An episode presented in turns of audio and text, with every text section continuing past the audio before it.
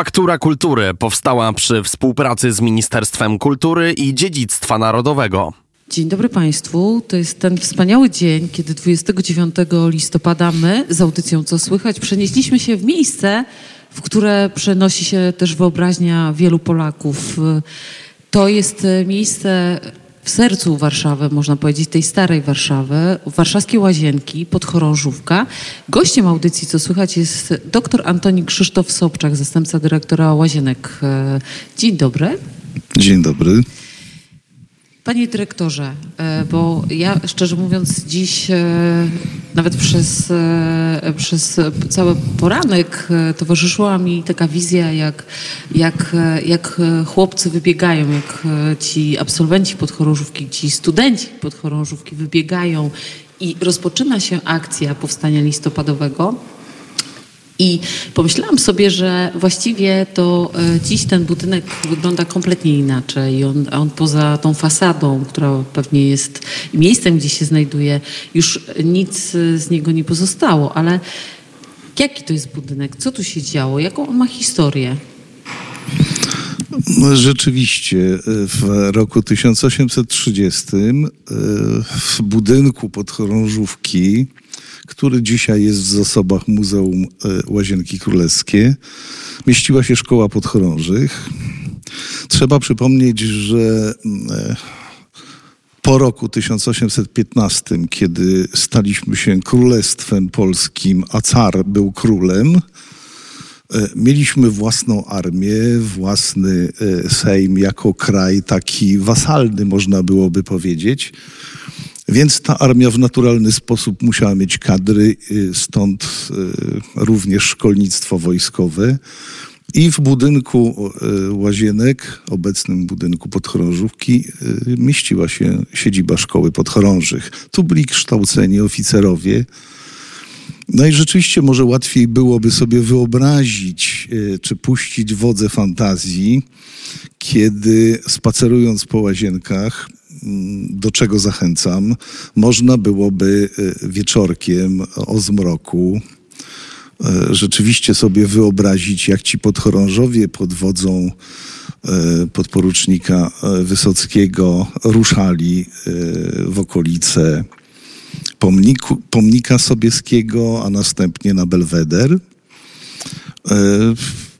To myślę, że każdy z naszych zwiedzających w jakiś sposób te wodze fantazji może puścić w tym czasie. Dzisiaj może jest dzień o tyle wyjątkowy, że jest ta rocznica nocy listopadowej, czyli początków powstania e, listopadowego ale może łatwiej byłoby sobie wyobrazić, jak to było, patrząc na wartę honorową, którą e, podchorążowie VAT-u zaciągają przy pomniku Piotra Wysockiego. Co roku no, mamy taką współpracę już od lat. I e, biegając do łazienek na spotkanie z Państwem, e, widziałam tę wartę honorową. E, są stroje z epoki, dwóch wspaniałych młodych adeptów. Nie wiem, czy to są studenci, czy to jest grupa rekonstrukcyjna i e, składane były kwiaty, więc jeśli Państwo będą mieli ochotę i będą Państwo mieli możliwość, przebywając w Warszawie, udać się dziś na spacer po łazienkach, to na pewno ten klimat nocy listopadowej będzie bliższy. Ale to, co Pan Dyrektor powiedział, to można zrobić za każdym razem, kiedy Państwo będą mieli okazję odwiedzić Muzeum Łazienki Królewskie, będą Państwo mogli dotknąć tej historii. Ta historia e, to jest ten nasz marsz, który wielokrotnie odtwarzaliśmy, ale 29 listopada o godzinie 18, jak e, opowiada historia, Piotr Wysocki wbiega do szkoły, wybiegają z nim kadeci i tak jak pan dyrektor powiedział, najpierw pomnik, później Belweder.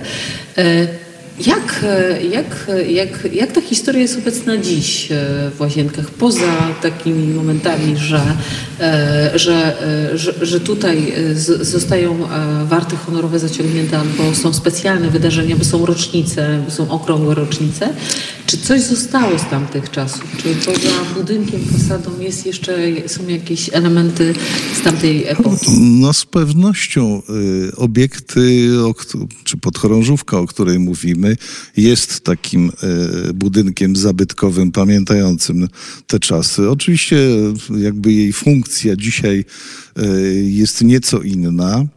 Natomiast no myślę, że nie trudno zauważyć, ja wspomniałem tutaj o, o pomniku poświęconym postaci podporucznika Wysockiego, ale gdzieś w przestrzeni ogrodów łazienkowskich można dostrzec inne postacie uhonorowane, więc pamięć o nich jest. Mam tutaj na myśli postać późniejszego generała, a w okresie powstania listopadowego majora Józefa Bema.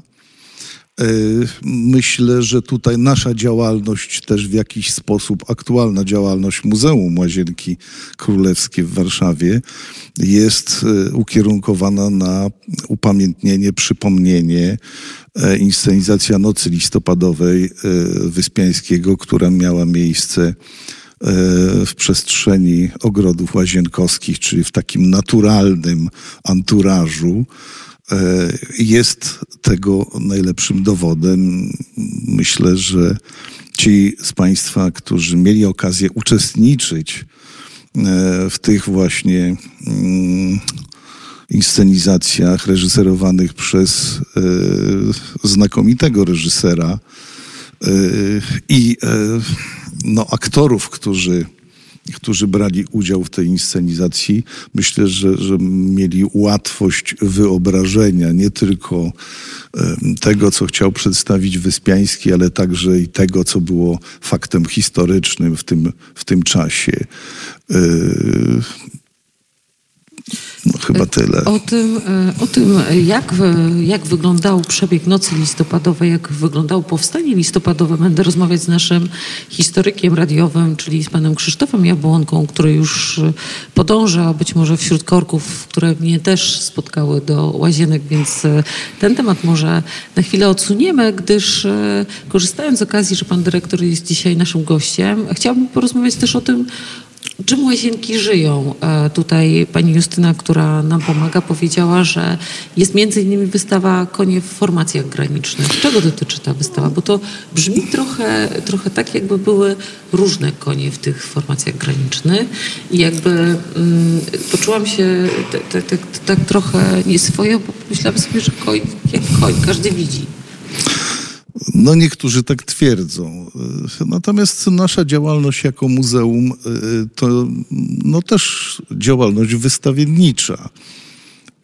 Oprócz wystaw poświęconych sztuce czy sztukom, bo eksponujemy i rzeźby, i, i, i dzieła malarstwa, pierwszych pędzli, można tak rzec. Mamy także ekspozycje w galeriach plenerowych i Wystawa, którą pani tutaj wymieniła, Konie w formacjach granicznych, ona dotyczy okresu lat 1918-39. Ona przypomina rolę konia czy koni, który, które to w tym okresie tak naprawdę stanowiły podstawę wyposażenia wielu formacji. Te formacje przez okres właśnie dwudziestolecia międzywojennego się zmieniały. Gdzieś na tej wystawie zaznaczamy, że pierwsze decyzje dotyczące przygotowania kadry to zapadły jeszcze za czasów Rady Regencyjnej i, i została przygotowana kadra do funkcjonowania w ramach takiej formacji, która nazywała się Straż Skarbowa ponieważ nie było wiadomo wtedy jeszcze, jaki będzie ustrój państwa. No właśnie to nawiązuje trochę do, do czasów Królestwa Polskiego. To organizowano kursy pierwszej polskiej królewskiej Straży Skarbowej. I zdjęcia, które się zachowały z tych, z tych kursów, absolwentów tych kursów, one noszą różne daty, ale to są daty z początku października 1918 roku. Z pewnością trzeba zauważyć, że 18 grudnia 1918 roku Józef Piłsudski jako naczelnik państwa podpisał tymczasowy dekret o utworzeniu Straży Granicznej.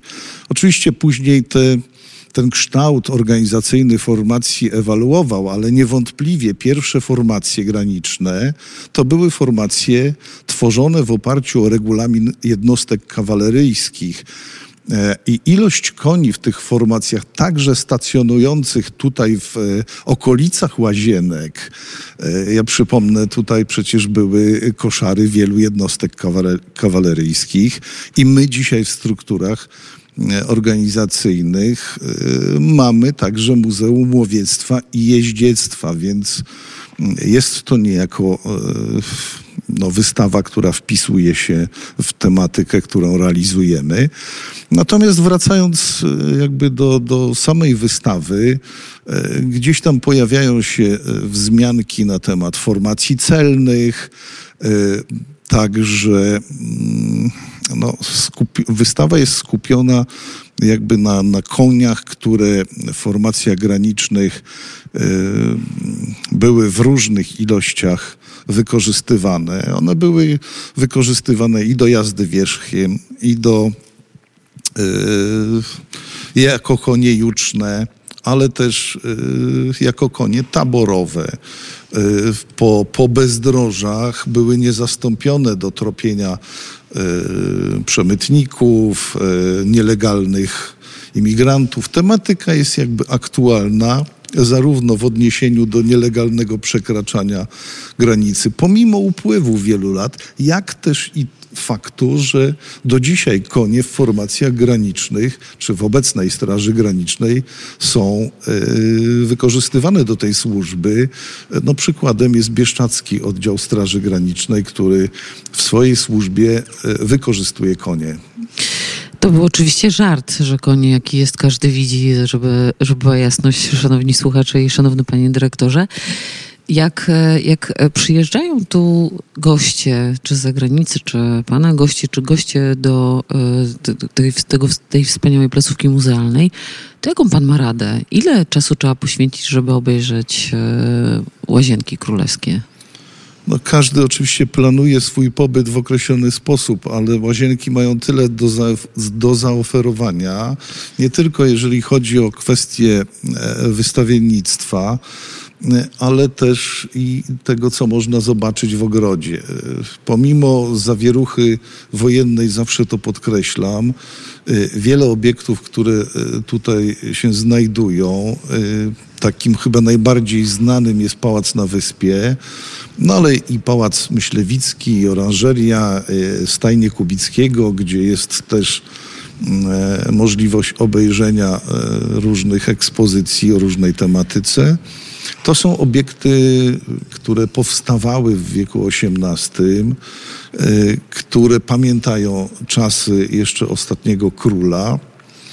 E, I, I myślę, że zarówno wrażenia architektoniczne, jakie możemy mm, odnieść z tego zwiedzania, z tej wycieczki, jak też i wnętrza, które staramy się utrzymywać w takim e, stanie e, jak najbardziej zbliżonym do, do naturalnych, ale też przestrzeń ogrodów mamy, y, jakby nie patrzeć, pewną część starodrzewu w ogrodach łazienkowskich, które doskonale pamiętają te czasy.